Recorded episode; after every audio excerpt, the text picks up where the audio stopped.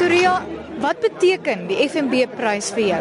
I can work more ambitious now without really thinking about material and thinking about, you know, at least for the next year or so. It's like getting free paintbrushes for a year. Iets baie interessant wat jy gesê het toe jy nou jou prys in ontvangs geneem het, was dat jy groot geword het met verfbuise wat op die vloer gelê het. My house was an art studio. My mother's house was a writer's den and you know there were writers and and artists flowing in and out. There were musicians. Jy was bevoorreg om in 'n huis groot te word met kuns uit alle genres uit. Yeah, that was a, a baie clean house. so it was really full of love and love of the arts and love of theater and love of arts of all nature. Wat het jou kuns geïnspireer? En vertel 'n bietjie meer van die konsep wat jy gebruik het. I'm inspired by experiences and my inspiraties, mense dat ek sien, things that I go into, relationships, um, you know, things that work out in life, things that don't work out in life. That's why for the art fair I'm entitling the show Imkhuzuko. That you fall off your bicycle and you graze your knee those little scratches you call imkhuzuko. That's when you decide, you know, you are hurt but you're not that hurt. Mm, but you feel the pain but it's not that bad. Hoekom het jy besluit om die Suid-Afrikaanse tronk as jou vertrekpunt te gebruik? Is ons nie al in South Africa in 'n tronk? Do we not live in houses that are jails in our country?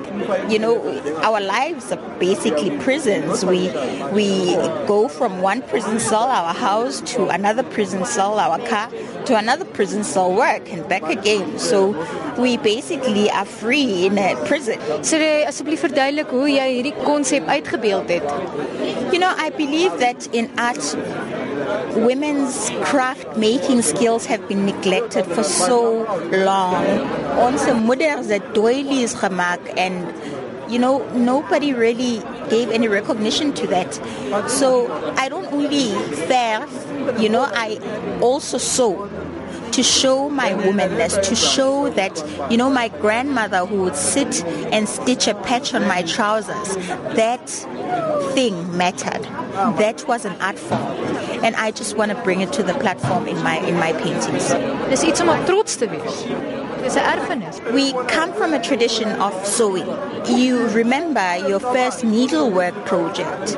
That's how we grew up. It's not something we discuss in public. You crochet a scarf here and there, but you know how to do it.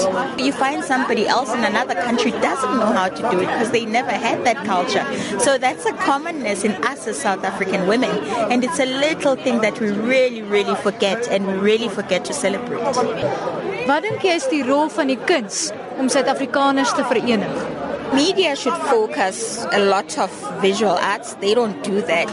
So visual arts can do very little right now. No matter how much us as artists can make, if we are not showcased, if, if there are no gallery listings, if there are no reviews being written, then we are just as good as working in our own little jails. You know, and it's a great privilege getting an FNB award.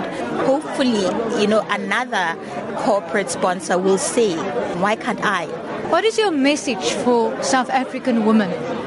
Let's get together and realize that we have more commonness than differences.